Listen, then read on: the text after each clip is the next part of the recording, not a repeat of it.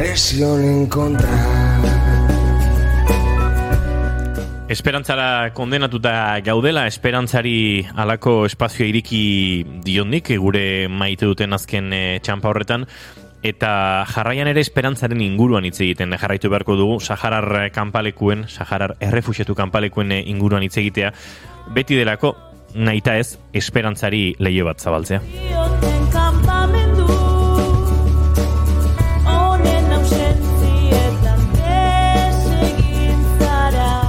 Eta diot hau esperantzarik ezean e, jasan gaitza litzatekelako.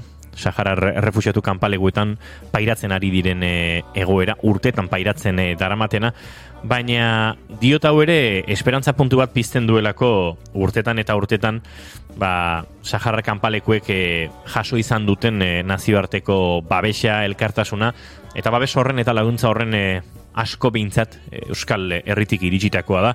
Antxe dabiltza egunotan eh, enfermeros en el Sahara edo erizainak Saharan elkarteko hainbat eh, kide, izan genituen gurekin, eh, Fatimetu zenanekin, behin baino gehiagotan aritu izan gara, Juventud Aktiba Saharagoiren inguruan, askotan aritu gara, e, mugimendu e, orokorrago edo Sahara herriaren aldeko mugimenduaren inguruan, eta batez ere, ba, bere azken bisitan ere, aritu ginen, e, erizainak Saharan egitasmo honen inguruan bada handabiltza, kanpalekuetan, nahi izan ditugu entrevistatu eta zuzenean gurekin izan, baina internetaren seinaleak e, ez du hori albidetu eta beste modu batera lortu dugu ba, eurakan egiten ari direna kontatzea.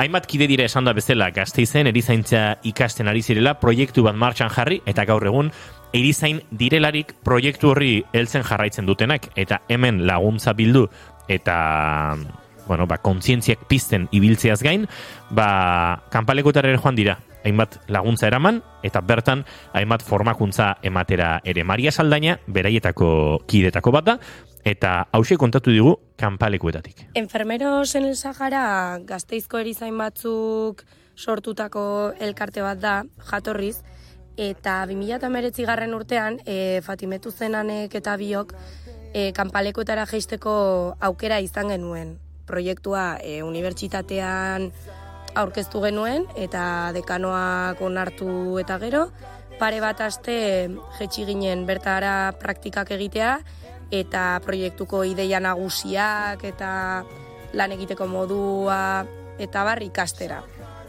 E, ondoren, gure asmoa, urrengo urtean, e, erizain talde batekin, bertara geistekoa genuen, e, ja proiektua donostiara ekarriz.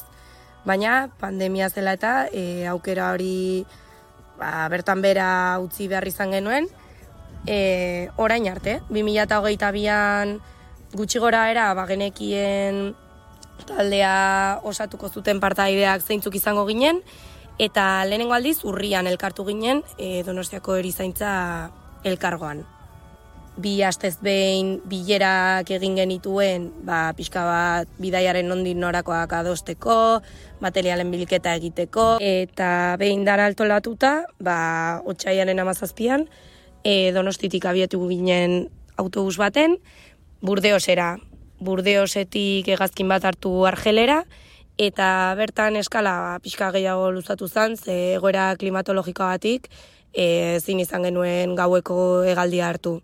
Beraz, argelen gau bat egin ondoren, e, berriro bidaia, bidaiarekin jarraituz, e, tindufera abitu ginen.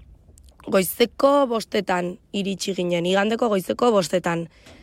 Eta bertatik e, autobus bat hartu, eta esmarara goizeko zazpitan iritsi ginen.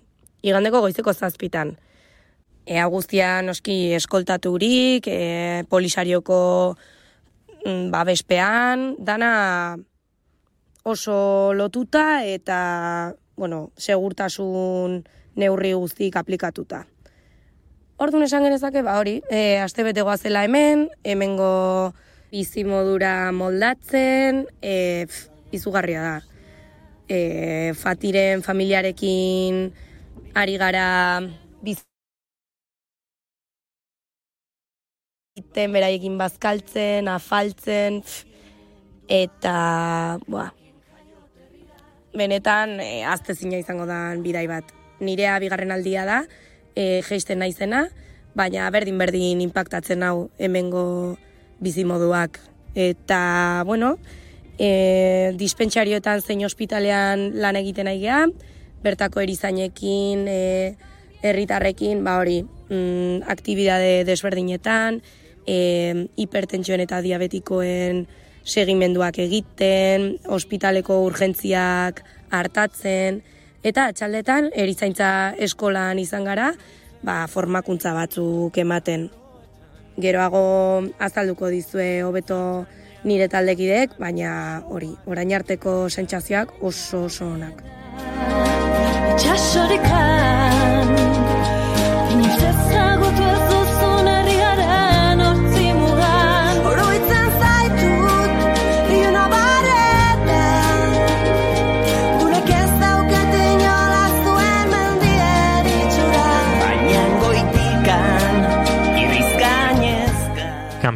kanpalekuetara joan eta kanpalekuetatik e, buelta. Askotan e, mugak ez dira nahi genituzken muga berak eta askotan ez da erresa izaten kanpalekuetara heltzea. Pandemiak e, berak e, sortu zuen halako zailtasuna oporrak bakian proiektua bera geldik izan zen e, garai horietan eta bueno, ba, berriz ere normaltasunera bidean izan diren bezalaxe normaltasun horren bidean Joan dira kanpalekuetara erizainak Saharan e, taldeko hainbat kide esan da bezala, haietatik batzuk lehenengo aldiz eta hori ere jakin nahi izan dugu, oiane zubizarretak kontatu digu nolakoa izan den lehenengo impactu hori. Ba, urten gure lehenengo urtea izan da, aurretik ona etorri aurretik bertan errefusiatu kanpamentuetan egon dien jenteekin berbain dugu, baina alatabe asko harritu gaitu bertatik ikusti ez lan basamortutik, hau da eseresetik sortu dabien herri bat, herri, herriak, barruen auzoak daukiesena, eta zelan estrukturalki holan banatu dien, bai, bai herriak e, sortzen, eta bestalde batetik zelan sortu den estruktura, ba, e, gobernua, ez? Pasada bat ikusti ez egaitasun dekien antolantzeko euren artien. Gero egia da beste, beste puntu bat aipatzeko, izan da gu ona gatoz ba, erizain moduen, ez? E, lan egiten, tailerrak emoten, apur bat ikusten, zegoera da be bai, ez? Eta ikesten. Eta ba genekigun bertako ospitaletan eta dispentsarioetan, dispentsarioa die bertako osasun zentroak, e, material falta handia dauela, eta material falta eta pertsonal falta. Baina behin hona etorritan, naiz da hori jakin, e, asko harritu gaitu be bai ze puntoraino dauen material falta hori. Pentsatan begin genduna, baino askoz gehiago. Nola hartatzen dien pazienteak, eta, eta pertsonal falta horregaitik, adibidez gu ospital baten, Osmanako ospitalean e, egoten gara, gutako batzuk, eta bertan nola batzutan, ba ez dau, ez da egoten e, ez medikurik, ez erizainik. Eta bertan e, lanien egoten dienak, izeten die e, erizaintza ikasleak. Eta askotan hartzen dauen papela izaten da medikuen papela. Jakinek batzutan erretatu nahi da bezan medikazio batzuk ez dauzela. Orduan, egoerak asko harritu gaitu, naiz eta aurretik jakin. Egia esan egoera nahiko gorra da. Eta bestalde batetik egiz esan e, Gurogo aipatu da, ze izan da kulturalki ez, e, lehenengo aldia da kultura honetaran, kultura honekin bat iten dugula eta ezagutzen dugula. E, hemen egonda, eta pasada bat iruditu jaku jentea ze urbila dan, ze ondo hartu gaituen etxietan, e, bakoitza etxe desberdinetan banatu gara loiteko, eta danok ustot bat egiten dugula oso, oso maitakorra diela danak, eta etxean ba, Euskal Herria moduen gauzela, ez? Danak oso eskuzabalak. Da, holan, orokorrean apur bat labur bilduz, hori esango neuke.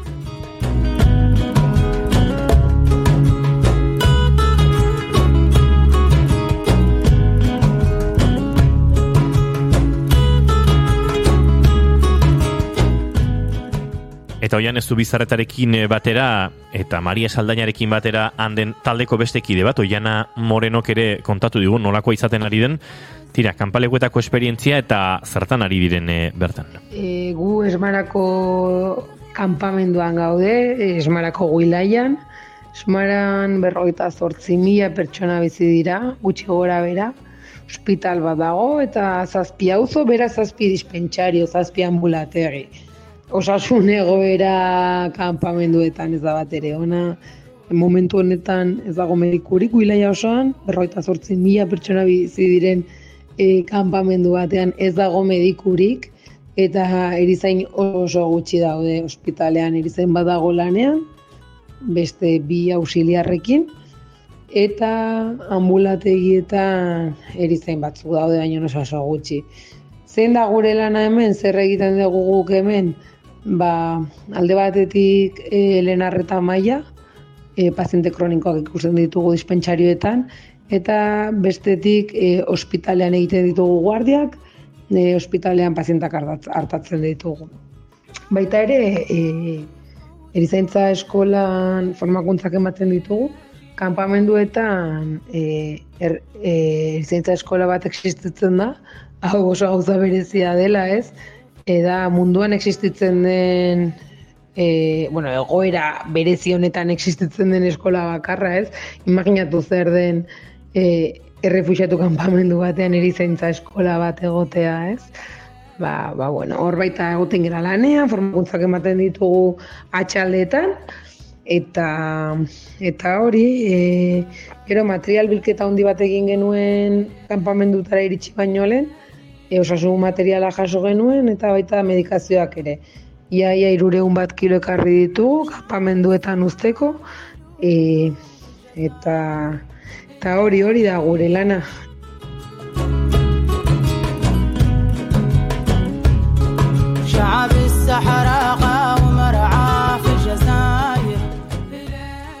Aipatu digute, kanpaleguetako osasun egoera orokorra e, ona ez dela, baina e, zein dira gaitzik edatuenak, e, eh, zein dira beharre oinarrizkoenak eta eta zein eh, ospital baten azpigitura exigituko lukeenak hori galdetu diogu eta galdetu diegu eta hau erantzun digu Fatimetu zenanek. e, Saharako errefuxatuen kanpalekuetan e, osasun egoera orokorrari dagokionez ba, ez da oso ona izan ere e, nazioarteko laguntzaren menpe bizi eta bizi irauten dute errefuxiatuek beraz e, bueno, ba, aurki ditzak egun ospitalak dira dakizuen bezala e, errefuxiatuen kanpalekuak Banatuta daude bost provintzia desberdinetan, eta provintzia desberdinak badu bere ospital e, nagusia. Eta e, ospital guztiak e, biltzen dituen, edo barkatu, provintzia guztiak biltzen dituen ospital nazional bat ere e, badago. Bertara kasularrienak iristen dira. Gerora provintzia bakoitzean daude e, herri, esango nuke, daira e, jasaniaz, desberdinak, eta herri edo daira desberdinean daude dispentsarioak. Izango diratekela Euskal Herriko osasun sistemarekin konparatuz gero, ba, osasun zentruak edo alegia ambula, ambulategiak. Orduan, esan dugun bezala, e, erreusatun kanpalekuetan provintzia bakoitzean ospital badago, provintzia bakoitzeko herri bakoitzean, hau da, daira bakoitzean osasun zentro txiki bat dago, eta gerora provintzia guztiak biltzen dituen ospital nazional bat ere badago Rabonin e, kasu honetan. Ospitalean dauden e, behar oinarrizkoenak, ba edozein ospitaletan dauden beharrak dira. E, azken batean bizi iraun alizateko beharrezko bai materiala eta bai medikazioa. Kasu honetan e, garrantzia handiena duen e, medikazioa dira. E, antidiabetiko, aho, ahozko antidiabetikoak, antihipertentsiboak, e, burnia, burnia ere anemia oso gaitz larria da, gehien bat emakumeetan ematen den gaitz larria da beraz, e, anemiaren anemiaren aurka edo anemiari aurre egiteko alegia e, behar diren e, medikamentuak ere beharrezkoak dira.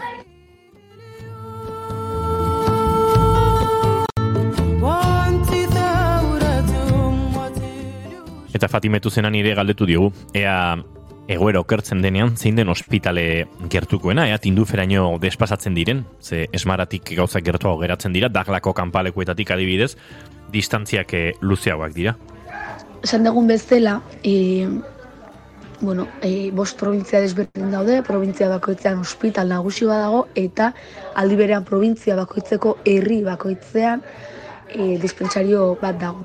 Esango genuke, dispentsarioan lehen arretako e, lehen arreta maila ematen dela, hau da, e, oso larriak ez diren kasuak ai, bertara joten, jo, e, joaten dira, eta baita kronikoen kontrola ere.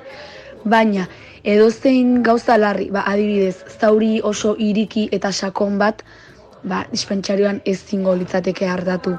Hortaz, e, ospitalera eramango, eramango litzateke kasu hori, eta ospitalean ere medioak edo e, errekurtsoak edo eta baliabideak hobeto esan da e, urriak baldin badira, kasu horretan e, ospital nazionalera, rabuniko ospital nazionalera bideratuko litzateke paziente, paziente hori.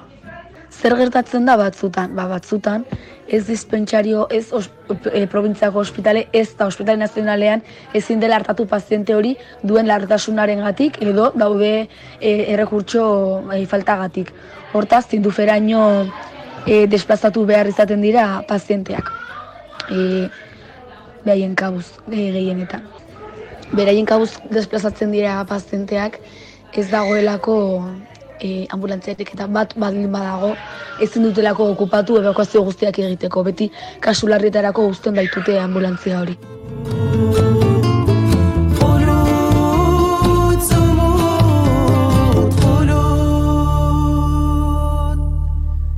Eta bertara joan dira, esan da bezala erizainak eh, Saharan, eh, enfermeros y enfermeras en el Sahara, eta, bueno, Fatimetu zenan kontatzen ari zen bezala, egoera, eh, instalazioak, azpiegiturak zein diren, baina baina galderare egin diegu zein diren eraman dituzten materialak, eh, zer denan behar haundiena suposatu duena, edo, edo Euskal Herritik harako bidaian ba, eramatea erabaki dutena.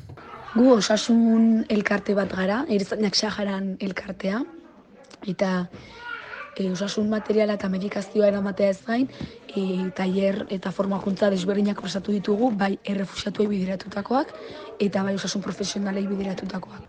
Guk eraman ditugun materialen artean, e, gaiendu daitekeena, da parazetamola, ibuprofenoa, e, bai helduentzat e, eta bai umeentzat, antibiotikoen artean gaientzen dena da, bai helduentzat eta bai umeentzat, eta gainontzeko medikazioari dagokionez, aurretik esan bezala, antidiabetiko oralak, antihipertentsibo oralak, eta, ba, bueno, ba, beste multzo bat, pixkat eh, anetza, denetik sartu duguna.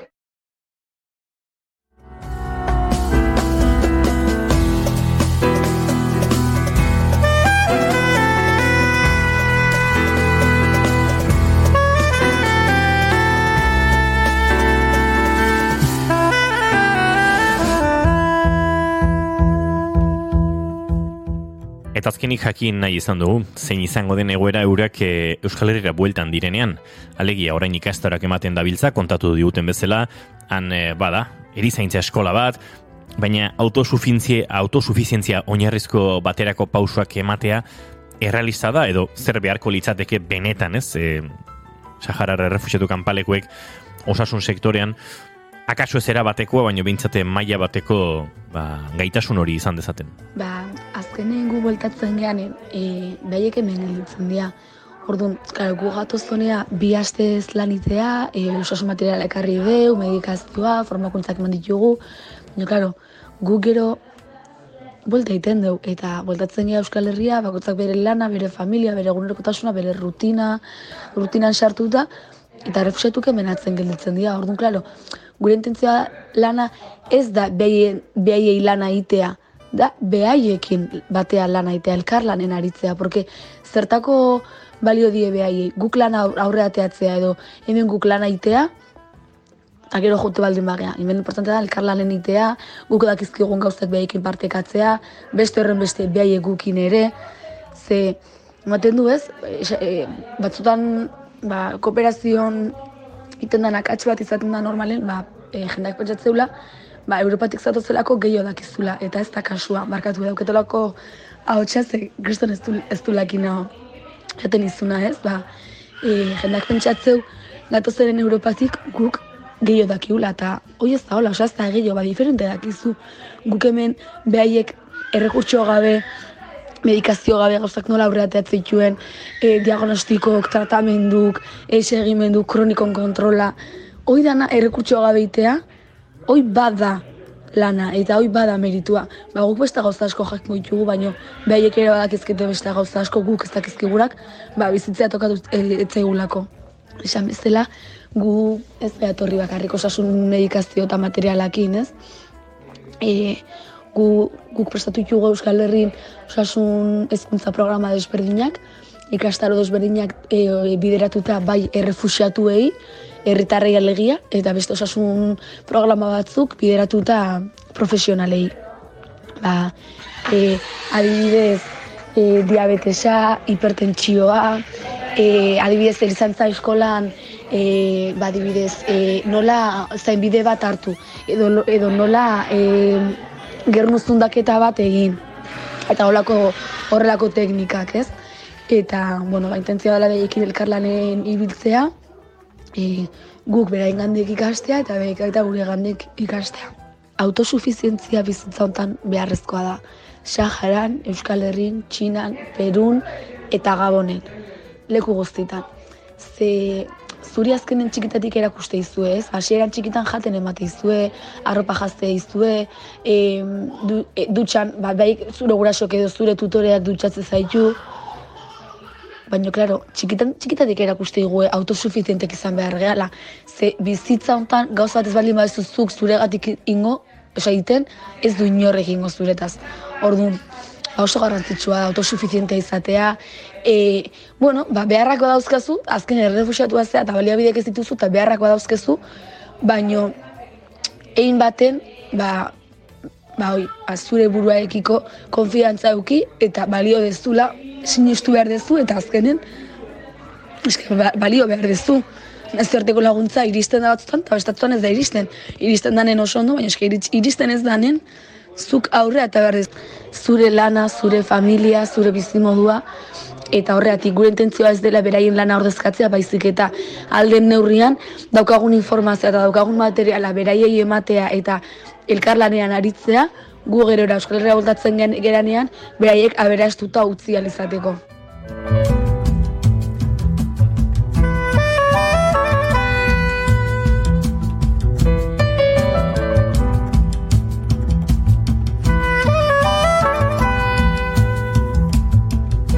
Ba, hemendik bezarka da estu bat, e, bai Fatimetu zenani, bai Maria Saldainari, e, eskerrik onena zagutzen ez ditugun oian ez bizarreta, oiana moreno eta lantalde guztiari, e, bueno, badu, alako urbiltasuna etxiontan kanpalekuekin, badu alako urbiltasuna baita erizainak Saharan edo enfermeros en el Sahara egitasmoarekin, eta egia esan, e, ba, pozarren hartu dugu kanpalekuetan e, zaudetela jakitea, pozarren e, zuen mezuak, e, eta pozarren jakitea, ba, eraikitzen ari zaretela, esan da, bezala, ba, buru jabetzarako, autosufizientziarako, oinarezko pauso horiek bintzat eman e, ditzaten eta eta jarrai dezaten e, dagoneko bidea handia egin baita. Lehenagotik ere hori ez du bukatuko baina belaunaldi berrien e, laguntza eta babes hori ere han izatea. Zalantzari gabe berririk e, onena da. Beraz besarka da estua denei eta kanpaleguetatik e, bueltan Fati, Maria, Oiana, Oian eta konpainia ea gurekin kafe hartu eta kontatzen diguzuen nolakoa izan den e, esperientzia baina zuzen e, zuzenean. Eta ni julen laister e, utzi egingo zaituztet eta horrexegatik e, kantonikin eh, aurrera egitea Ba, bani joan bani. baliatuko bani. Oso ondo. Agian ezer ez duenak ametxen garaia dorain Arezko erloju bat naiz Oroitzapenen dunetan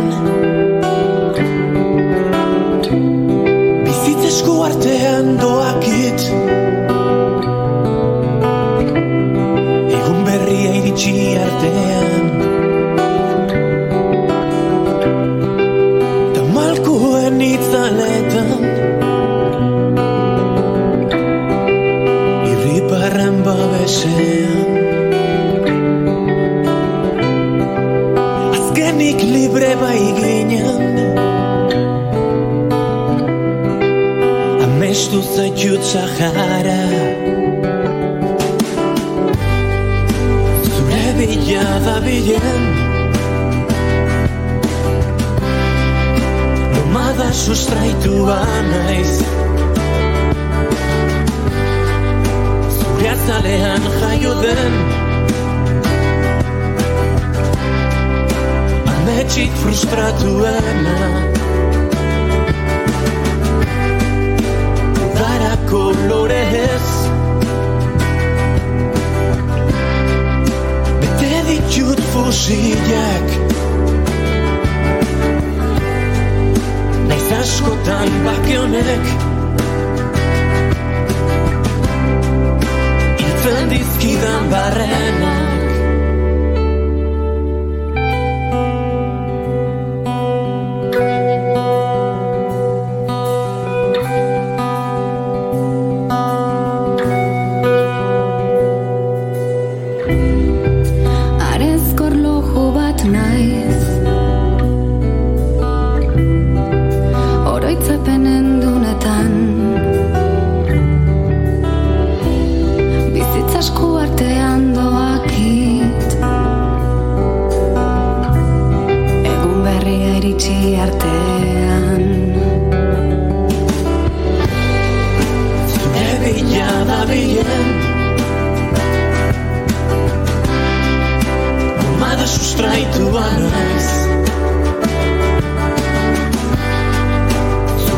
Zure azalean jaio